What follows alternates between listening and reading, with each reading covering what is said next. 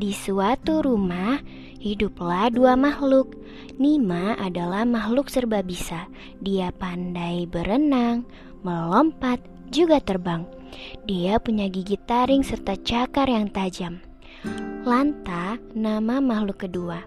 Kakinya kokoh dan tubuhnya tinggi besar, bahkan bisa memenuhi satu ruangan. Nima dan Lanta hidup bahagia di rumah itu sampai suatu ketika makhluk lain datang mengetuk pintu rumah mereka. Parasnya indah, senyumnya menawan, namanya Hosa. Mulai hari ini aku akan tinggal di sini, kata Hosa dengan semangat. Karena Nima dan Lanta tidak merasa Hosa berbahaya untuk mereka yang lebih besar dan kuat, akhirnya mereka mengizinkan Hosa tinggal bersama. Kehidupan mereka bertiga sangat menyenangkan pada awalnya. Hosa mudah sekali penasaran dan selalu ingin tahu tentang Nima maupun Lanta. Mereka saling menolong satu sama lain. Meskipun ada satu yang tidak disukai Nima dan Lanta dari Hosa, yaitu Hosa itu jorok. Tapi Nima dan Lanta berusaha untuk bersabar dan selalu membantu Hosa berbenah. Namun semua kesenangan itu berubah saat Hosa menumpahkan minyak ke dalam sumber air mereka. Hosa, apa yang kamu lakukan? Tanya Nima kaget. Sekarang mereka akan kesulitan untuk minum. Maaf, aku tidak sengaja, jawab Hosa. Tenang saja, pasti akan ada sumber air lain di rumah ini. Lanjutnya santai, kemudian berkeliling di rumah itu untuk mencari sumber air lain. Hosa berhasil menemukan sumber air itu berkat kecerdasannya. Nima dan Lanta tentu saja ikut senang. Tetapi Hosa malah berkata, "Ini punyaku, kalian cari sendiri punya kalian." Meskipun kecewa, Nima dan Lanta pasrah mencari sumber air yang lain. Untungnya mereka menemukan sebuah sumur besar di rumah itu. Beberapa hari kemudian, Hosa menghampiri mereka. Teman-teman, aku minta maaf atas sikapku kemarin ya. Sumber airku habis. Boleh tidak aku berbagi air dengan kalian? Nima dan Lanta yang baik hati pun mengizinkan Hosa ikut meminum air dari sumur yang mereka temukan.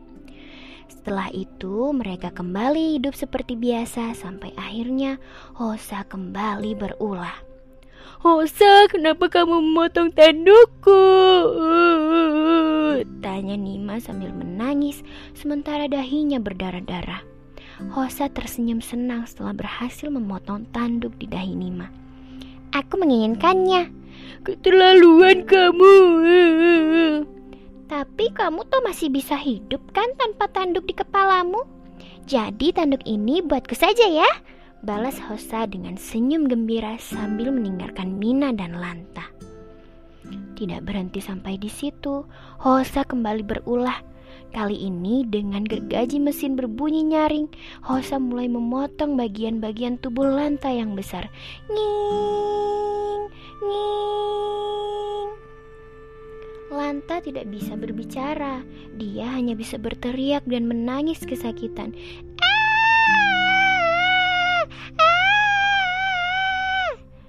Nima tentu saja tidak tega melihat temannya seperti itu.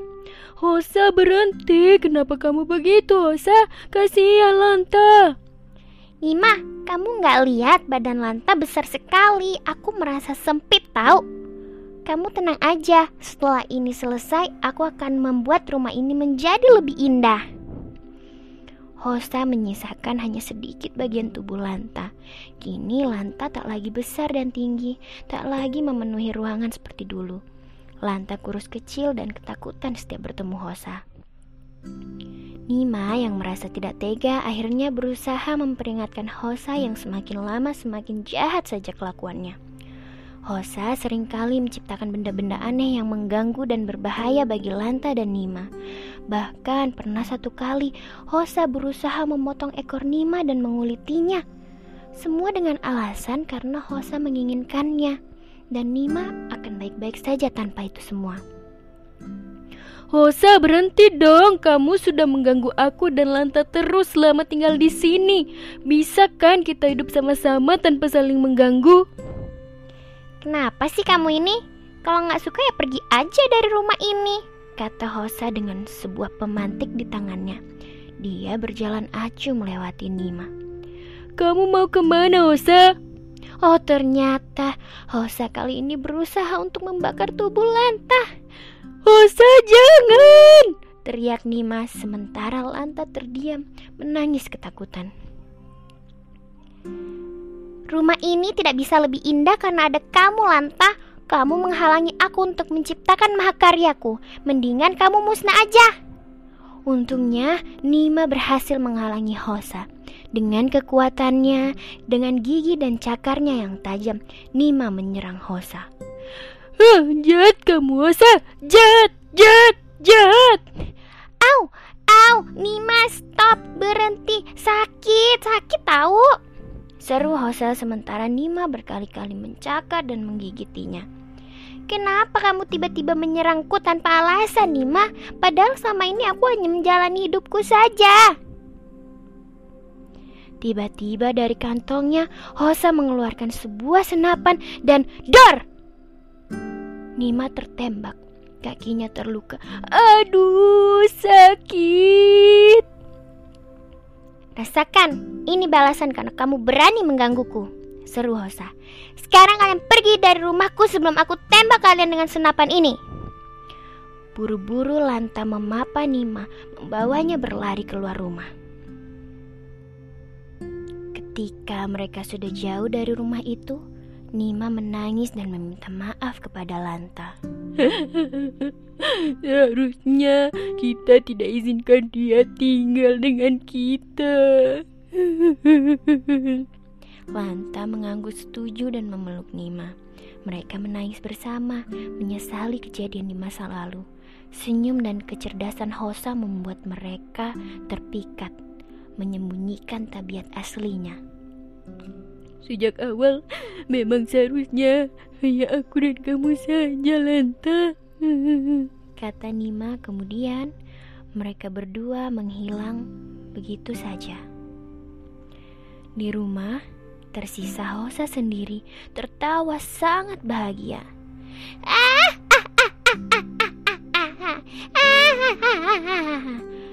Sebab Hosa berhasil memiliki rumah itu sepenuhnya. Rumah yang awalnya biasa saja itu kini telah berubah menjadi rumah yang megah, besar, tinggi menjulang. Peralatan canggih Hosa ada di mana-mana. Hosa senang sekali. Dia merasa punya segalanya. Dia menikmati hidupnya. Tapi tiba-tiba, seperti sedang marah, rumah itu bergetar hebat. Muncul retakan di sana sini di bagian dinding dan lantainya. Duh, apa yang terjadi? Hosa keheranan. Kenapa sih tiba-tiba rumah ini? Getaran berhenti. Hosa merasa lega, tapi selanjutnya api muncul. Pintu, jendela, meja, kursi, bahkan semua peralatan canggih Hosa terbakar dibuatnya. Hosa berteriak-teriak panik. Tolong, tolong, kenapa kamu tiba-tiba begini? Hei rumah, tolong, air, air. Permohonannya terkabul. Air memancar dari seluruh sumber air yang ditemukan Hosa di rumah ini. Ya, bagus, seperti itu. Padamkan apinya, seru Hosa senang. Tapi air itu tidak berhenti bahkan ketika semua api telah padam. Air terus memancar dan memancar hingga menenggelamkan seluruh lantai rumah, semua perabotan. Bahkan Hosa kesusahan mempertahankan agar dirinya tidak tenggelam. Apa yang terjadi dengan rumah ini? Lama-kelamaan air memenuhi seluruh rumah dan sebab tekanan yang tinggi, akhirnya duar. Tembok-tembok yang menopang rumah itu hancur. Air mengalir ke mana-mana, menghancurkan bagian-bagian yang lain. Hosa terombang-ambing terbawa arus. Sampai akhirnya air itu surut dan tinggallah Hosa dengan rumah yang kini hancur lebur tak bersisa. Kenapa begini lagi? Teriak Hosa marah, tak terima dengan kemalangan yang menimpanya.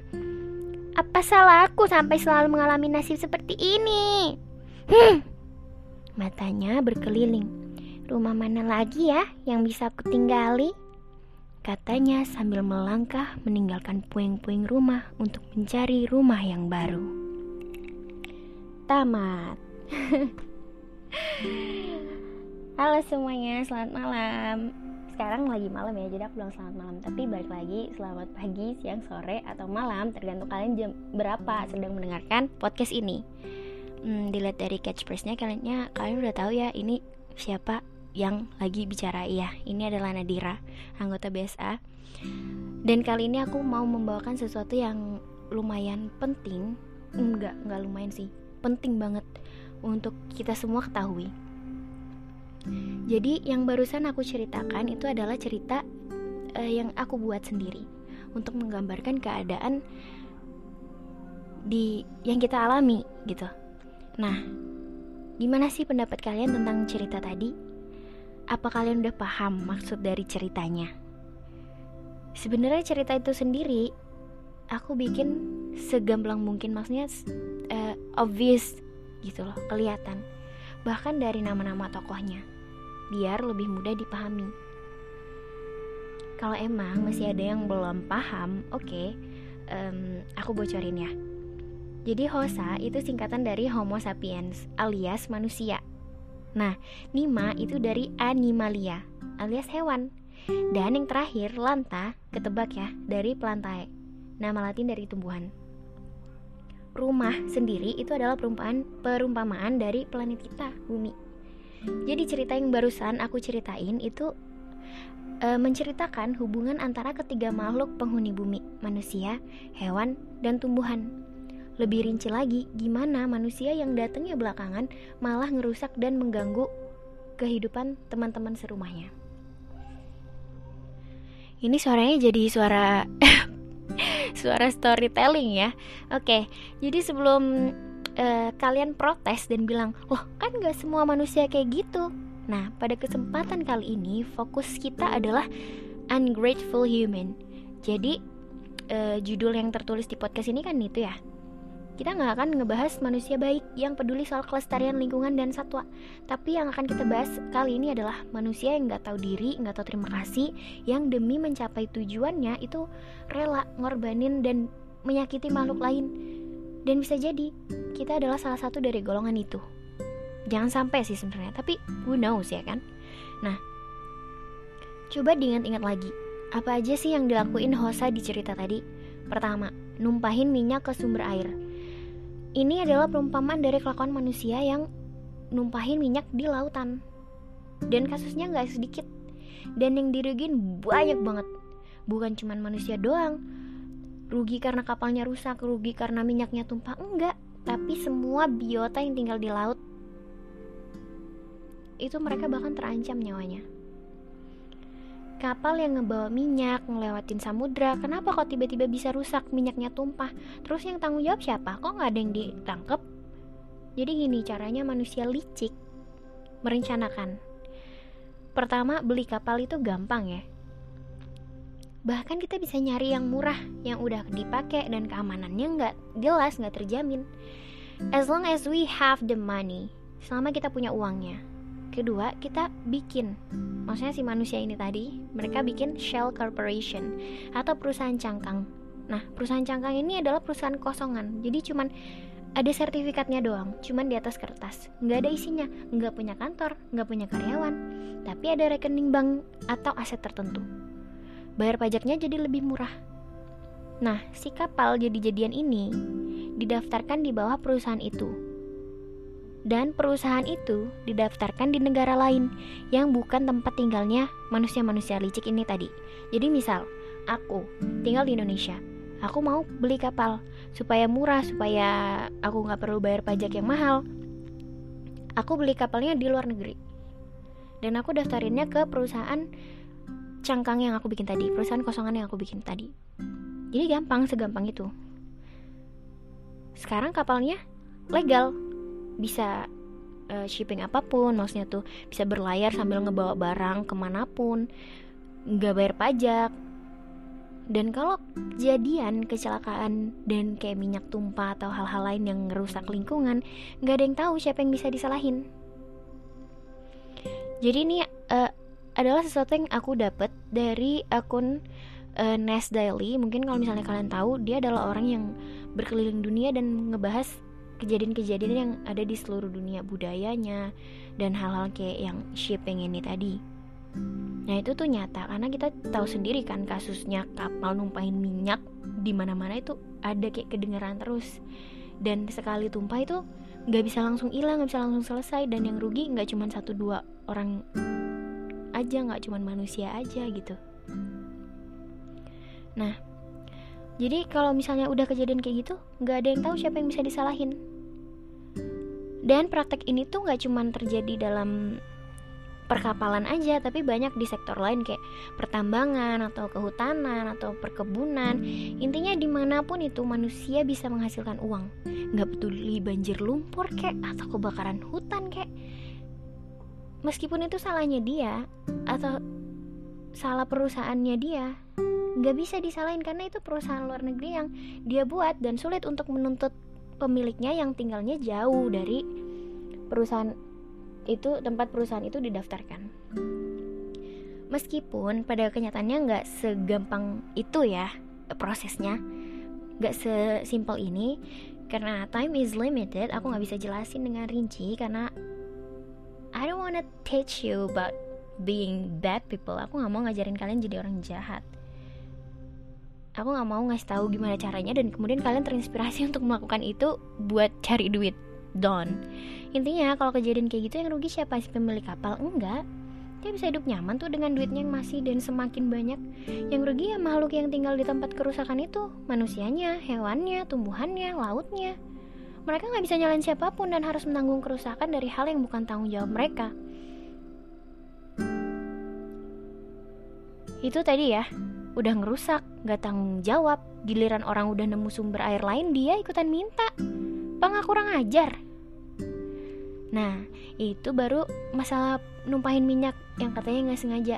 Katanya Hosa kan nggak sengaja ya tadi. Selanjutnya apa yang dilakukan Hosa? Motong tanduk teman serumahnya sendiri. Kalian tahu nggak maksudnya apa? Tanduk di sini adalah perumpamaan dari tanduk benerannya badak bercela satu. Perumpamaan dari gading gajah, kulit harimau, sirip ikan hiu, dan semua bagian tubuh hewan-hewan lain yang direbut paksa manusia dengan cara kejam. Cuman karena manusia suka. Kenapa suka? Sirip ikan hiu enak dimakan, telur penyu enak dimakan, kulit-kulit dan bulu-bulu hewan keren kalau jadiin pakaian ataupun karpet gitu. Tanduk badak, gading gajah, wow gaul banget kalau dijadiin pajangan dan yang paling penting semua itu mahal kalau dijual. Emang kenapa kalau hewan-hewan itu jadinya nggak bisa berenang? Kenapa kalau mereka cuma berdarah sedikit aja? Emang kenapa kalau mereka jadi langka? Gak ada hubungannya sama aku, dan aku gak akan rugi apa pun, kata Hosa si manusia brengsek. Mungkin untuk permasalahan hewan-hewan terancam punah ini kita nggak bisa banyak ikut campur. Selain karena mungkin kita nggak sekaya itu, kita nggak tertarik atau nggak pengen punya hobi ekstrim itu, kita juga nggak punya wewenang dalam mengatur itu, ya kan? Tapi kita mungkin pernah sejahat mereka dengan skala yang lebih kecil, dengan hewan-hewan yang lebih umum, enggak langka. Kalian pernah kan lihat anak ayam warna-warni dijual di depan sekolah atau di pasar malam? Emang lucu, emang menarik, warna-warni gitu kan. Biasanya kan cuman warna kuning, pucat, putih gitu doang kan. Tapi ini ada yang biru, ada yang hijau, merah, merah terang gitu. Kata yang jualan, untungnya lebih banyak. Anak-anak lebih suka. Tapi diwarnainnya pakai apa? Pakai pewarna tekstil. Tekstil itu kain, bukan bulu hewan. Kain itu benda mati, hewan itu makhluk hidup. Tekstil, kain, kalau misalnya dikasih pewarna tekstil nggak bakalan kenapa-napa, dia jadi cantik, bisa dipakai. Hewan kalau dikasih pewarna tekstil keracunan, bos. Ini bukan cuma pewarna tekstil satu takaran doang ya, katanya kalau misalnya mau warnanya tuh lebih cerah, pewarna tekstilnya tuh konsentrasinya apa tiga kali lipat dicampur ke air anak ayamnya dimasukin diaduk-aduk kayak ngaduk keripik Gitu caranya manusia memperlakukan makhluk hidup lain. Nggak peduli mau mati keracunan kek, sakit kek, mati kek, nggak ngurus, yang penting dapat duit. Dan ketika aku searching tentang ini di internet dan berita-berita, eh, informasi-informasi, si penjual ayamnya itu ada yang bilang bahwa ya namanya juga mainan yang bernyawa. Mau digimanain lagi kan emang untuk mainan doang. Namanya juga jualan. Namanya juga cari duit. Kok bisa ya ada orang yang tega kayak gitu? Nggak nggak ini nggak nggak ngerti kenapa gitu loh. Mainan bernyawa. Nyawa orang dijadiin mainan. Eh nyawa nyawa ayam dijadiin mainan meskipun itu cuman ayam tapi itu makhluk hidup bernyawa. Parah gak sih manusia tuh? Ya. Nah praktek kayak gini tuh ya nggak cuman berlaku buat anak ayam aja. Banyak hewan yang diperjualbelikan dan diperlakukan sama kayak bukan makhluk hidup. Misalnya kalau kalian pergi ke pasar gitu terus ngelihat ada yang jualan di motor eh ada kandangnya. Kandangnya sempit tapi satu kandang tuh bisa isi 4 sampai 5 hewan kayak kelinci gitu atau monyet kecil gitu dimasukin kandang sempit rame-rame nggak bisa gerak susah nafas atau hamster. Dikasih makan seadanya minum seadanya. Ada juga hewan-hewan yang lain yang jelas-jelas ilegal kayak tupai monyet kukang. It's ditaruh di kandang kecil di atas motor. Nggak bisa gerak makan seadanya kalau nggak dikasih makan gimana? Itu cara ngerawatnya nggak tahu. Yang dipikirin gimana caranya supaya dapat duit banyak padahal jelas-jelas ilegal manusia yang beli juga sama. Bagus kalau ngerti cara ngerawatnya dan beneran sayang sama hewan. Tapi kalau cuman buat gaya-gayaan dikurung di kandang sempit buat apa coba? Ini beneran ya. Sekarang aku mm, semakin yakin. Yang dibilang dalam Islam bahwa memperjualbelikan hewan peliharaan itu nggak boleh itu alasannya tuh ya karena gini. Jadinya tuh hewan-hewan pada tersiksa. Kalian pikir hewan-hewan di pet shop itu enak? Enggak. Sekarang kalau ada yang diserang sama hewan liar yang dipelihara itu tadi dibeli itu tadi yang disalahin siapa? Hewannya. Kamu pikir manusia mau disalahin? Enggak lah. Dia beli nih beruang dikandangin. Abis itu beruangnya nyerang. Hei beruangnya nih salah nih apaan? Dimatiin beruangnya tuh. Ya manusia tuh emang sejahat itu. Dan ini tuh beneran kejadian. Di sekitarku pernah terjadi. Jadi tidak asal ngomong doang. Nah itu baru di darat ya belum di laut. Sekarang yang jadi kekhawatiran dan perhatian utama dari tahun ke tahun adalah pelestarian terumbu karang. Soalnya terumbu karang itu udah banyak yang rusak. Banyak pelaut yang mancing pakai bahan peledak banyak yang ngambil untuk dijual. Padahal terumbu karang itu salah satu pemasok oksigen utama buat bumi. Airnya aja dicemarin, apalagi isinya ya. Manusia itu serakah. Serakah bukan main. Nah, keserka, keserakahan manusia ini didukung sama kemampuan berpikirnya. Apa pun dijadiin lahan bisnis, apa pun yang penting dapat duit. Gak peduli apa yang harus dikorbankan. Meskipun itu dampaknya akan kembali lagi ke manusia sendiri. Contohnya aja hutan hutan ditebang, dibakar untuk bikin bangunan baru, infrastruktur, bla bla. Semua buat ngundang investor. Yuk dibeli yuk. Ini bekas hutan udah saya tebang, silakan bangun pusat perbelanjaan. Gak mikir di masa depan mau bernafas pakai apa. Oke, kalau reboisasi, penanaman kembali. Lah ini mau nanam di mana? Lahannya kan dipakai buat bangun gedung. Giliran cuaca semakin panas protes, longsor protes ada hewan yang rumahnya awalnya tuh di hutan, datang ke perkampungan dibunuh, jadi pelaku tuh hewannya. Meresahkan warga katanya. Padahal hewan itu kalau rumahnya nggak dirusak, nggak dibakar, dia nggak akan masuk ke pemukiman warga. Dia juga tahu kali kalau manusia itu jahat, ngapain mau deket-deket sama manusia. Tapi namanya rumahnya dibakar, dirusak, masa iya dia mau kebakar diem-diem aja? Masa kamu aja kalau rumahmu kebakar nggak mungkin kan kamu diem di rumah? Ya kabur, ya kan? Ya hewan juga gitu. Sekali lagi nih ya kita emang nggak bisa berbuat banyak untuk permasalahan hutan ini. Hmm, mungkin kita bukan orang kaya kita nggak punya lahan hutan apalagi wewenang untuk mengatur hal itu. Kalaupun ada dari kalian yang lagi ngedengerin ini dan ternyata hmm, adalah anaknya pejabat dari Kementerian Kehutanan dan Lingkungan Hidup atau yang sejenisnya mungkin organisasi pecinta lingkungan misalnya pokoknya mama papa kalian tuh punya lah wewenang dalam hal ini. Tolong tolong kasih tahu mama papa kalian kalau bumi itu butuh hutan. Dan kalau misalnya amin ya amin. Di masa depan ada dari kita yang akhirnya punya wewenang untuk mengatur hal ini aku harap kita adalah orang-orang yang sadar bahwa menghilangkan hutan demi uang itu nggak ada untungnya sama sekali.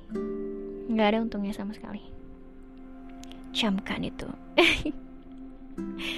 oke jadi masalah hutan ini jelas direpresentasikan dari Hosa yang mencoba memotong lanta pakai gergaji mesin dan ngebakar lanta pakai pemantik. Selanjutnya kita kembali ke bagian awal di mana Hosa katanya adalah makhluk yang jorok. Kalau ini udah jangan berdalih ya jelas banget kalau ini tuh tentang kita yang suka buang sampah sembarangan Indonesia ini jarang dapat urutan tertinggi di dunia kayak rekor-rekor gitu atau prestasi-prestasi gitu jarang. Nah, buat hal yang satu ini, wow, kita juara dua penghasil sampah plastik terbanyak kedua di dunia. Tepuk tangan. Hmm. Jadi kutipan dari indonesia.go.id, data Asosiasi Industri Plastik Indonesia atau INAPLAS dan Badan Pusat Statistik DP, eh, BPS menunjukkan hmm, sampah plastik di Indonesia itu mencapai 64 juta ton per tahun. Dan sebanyak 3,2 juta ton di antaranya merupakan sampah plastik yang dibuang ke laut. 60 juta ton dan 3,2 juta ton dibuang ke laut. Itu semuanya plastik ya. Sumber yang sama menyebutkan kantong plastik yang terbuang ke lingkungan sebanyak 10 miliar lembar per tahun atau sebanyak 85 ribu ton kantong plastik. Semua orang tentu aja pengen air yang bersih. Ironisnya orang Indonesia ini hobi banget buang sampah ke sungai. Dikira air keren itu bukan dari sungai kali ya. Waktu itu saya pernah beli makan dan kebetulan gerobaknya di pinggir kali. Penjualnya dengan santainya ngebuang limbah makanan serta plastik bekas pakai ke kali. Itu baru satu penjual. Gimana dengan penjual lain yang juga mangkalnya di dekat sungai? Nanti kalau banjir marah-marah, Katanya, salah pemerintah nih, nggak becos ngurusin banjir, oh dasar. Eh, anda ini udah dibikinin pengairan yang baik malah disumbat pakai sampah. Kok malah nyalain pemerintah? Lucunya manusia. Masih soal sampah nih ya. Kita tahu sendiri kali Indonesia yang burik, coklat, menjijikkan dan penuh sampah itu nggak bisa dibandingin dengan negara tertib kebersihan kayak di Jepang ataupun Singapura. Di Jepang itu kalinya jernih, banyak ikan hidup. Kayak kalau kita ini tuh kayak ngelihat akuarium gitu loh kayak ngelihat air kolam. Padahal itu air got air kali. Di Indonesia kalinya keruh. Yang hidup kalau nggak ikan citut ya sampah. Kalau nggak tikus. Nggak sebanding ya levelnya. Nah, beralih ke laut, ini juga yang jadi kekhawatiran organisasi-organisasi pelestarian lingkungan, bahkan yang kelas internasional macam uh, eh, WWF atau GGGI. Ini G-nya ada tiga. Namanya agak hmm, sulit. Tapi ini emang keduanya ini adalah organisasi pelestari lingkungan dan juga satwa yang terkenal banget. Kayaknya kalau WWF nih udah banyak yang tahu ya. Kalau GGGI ini kantor pusatnya di uh, Korea Selatan Nah, laut yang tercemar dengan sampah plastik itu bukan cuma airnya aja yang kotor, tapi juga isi perut makhluk-makhluk laut di dalamnya ada banyak banget meme dan ilustrasi di internet tentang gimana burung burung-burung laut, burung camar, penyu, ikan-ikan itu harus berurusan dengan sampah manusia dalam kehidupan mereka setiap hari. Yang nyampah manusia, yang repot mereka. Analoginya kayak pelihara kucing atau hewan peliharaan lain, kita akan repot ngebersihin bekas buang airnya mereka di litter box mereka, di pasirnya mereka itu. Ngeberesin bekas makan mereka kalau mereka makannya berantakan. Bekas main mereka kalau mereka lagi hyperaktif dan kertas-kertas itu mulai diberantakin semuanya berantakan. Capek kan repot kan?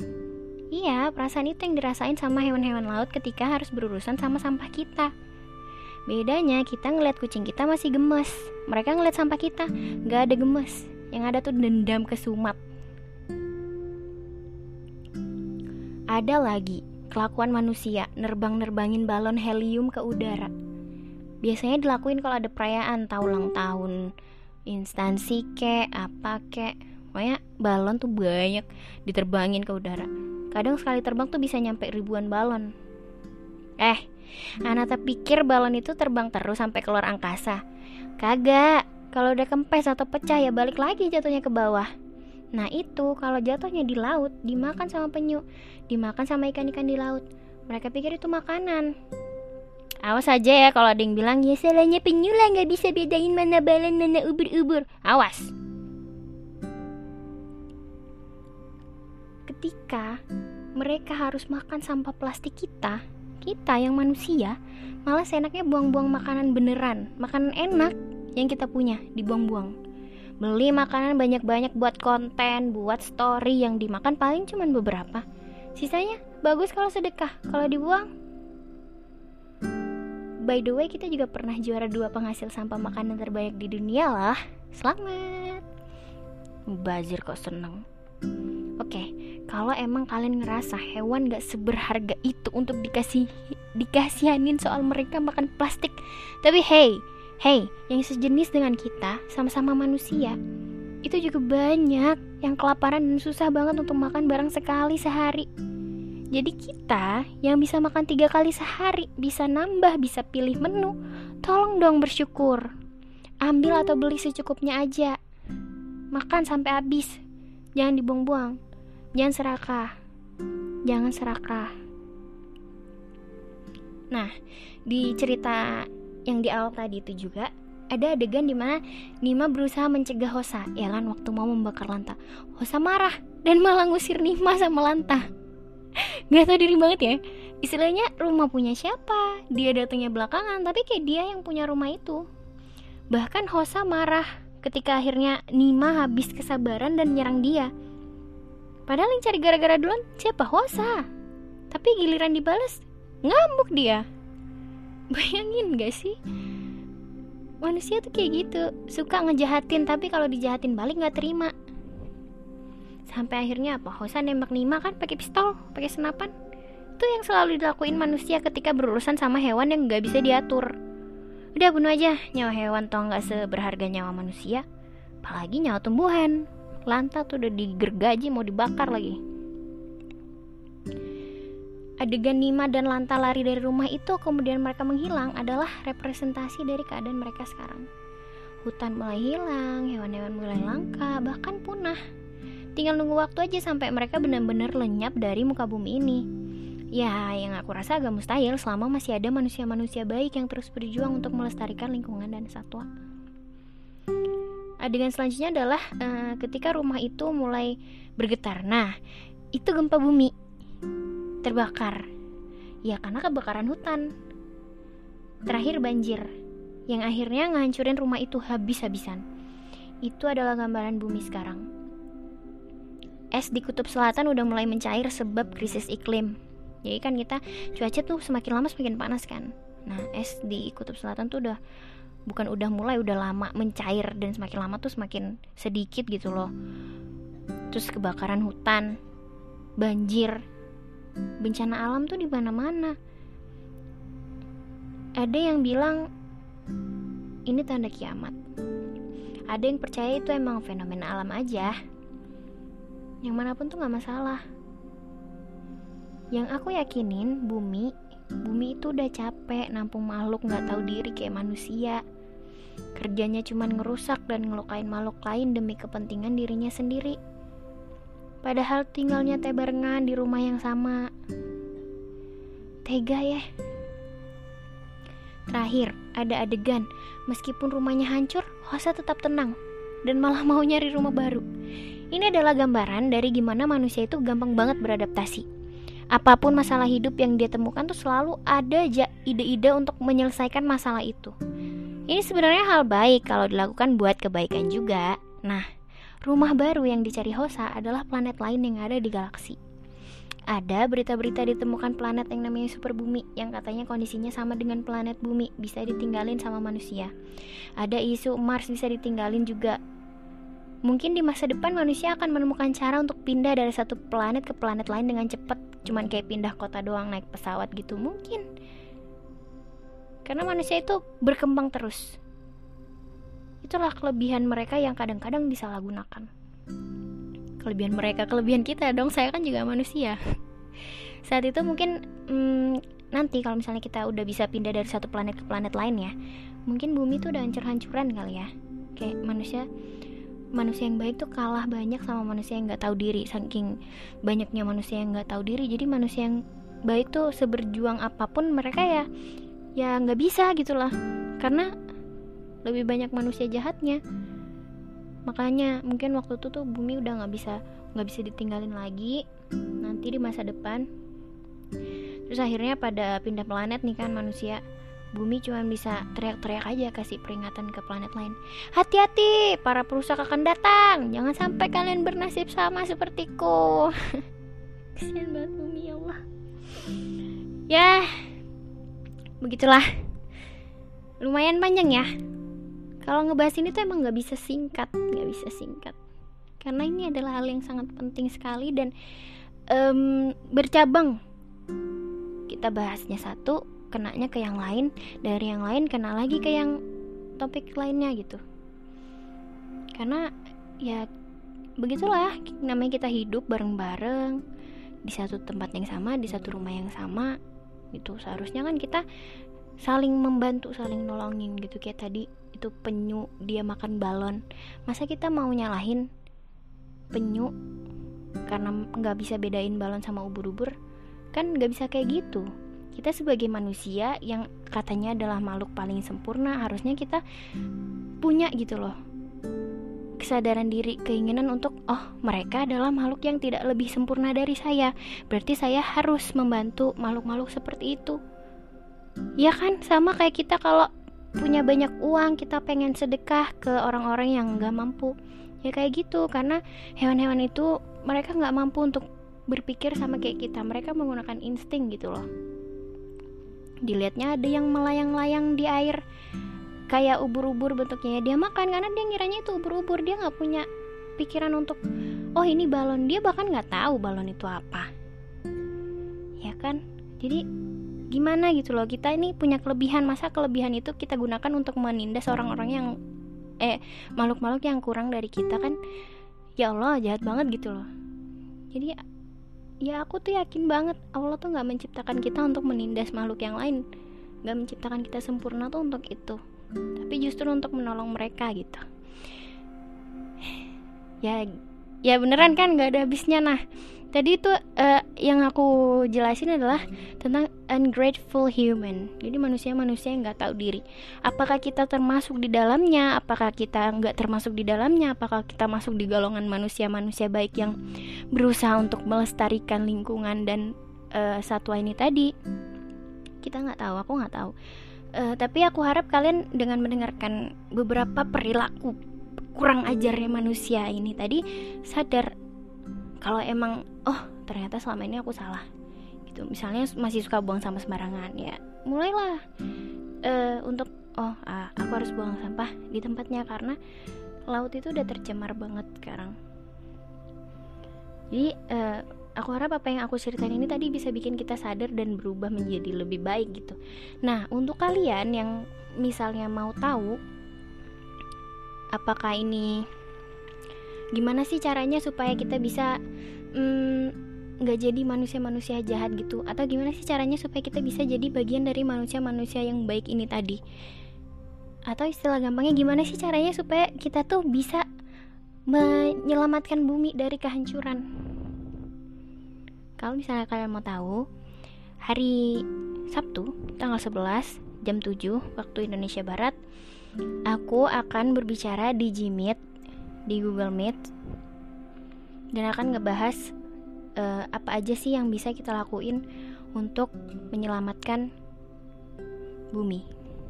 Jadi mari kita tidak menjadi villain, tapi kita jadi hero untuk bumi kita. Oke, okay, guys? Karena bumi adalah rumah. Siapa sih yang mau rumahnya hancur, ya kan? Siapa sih yang mau rumahnya rusak? Cuman supaya dapat duit aja. Ya kan? Duit bisa habis.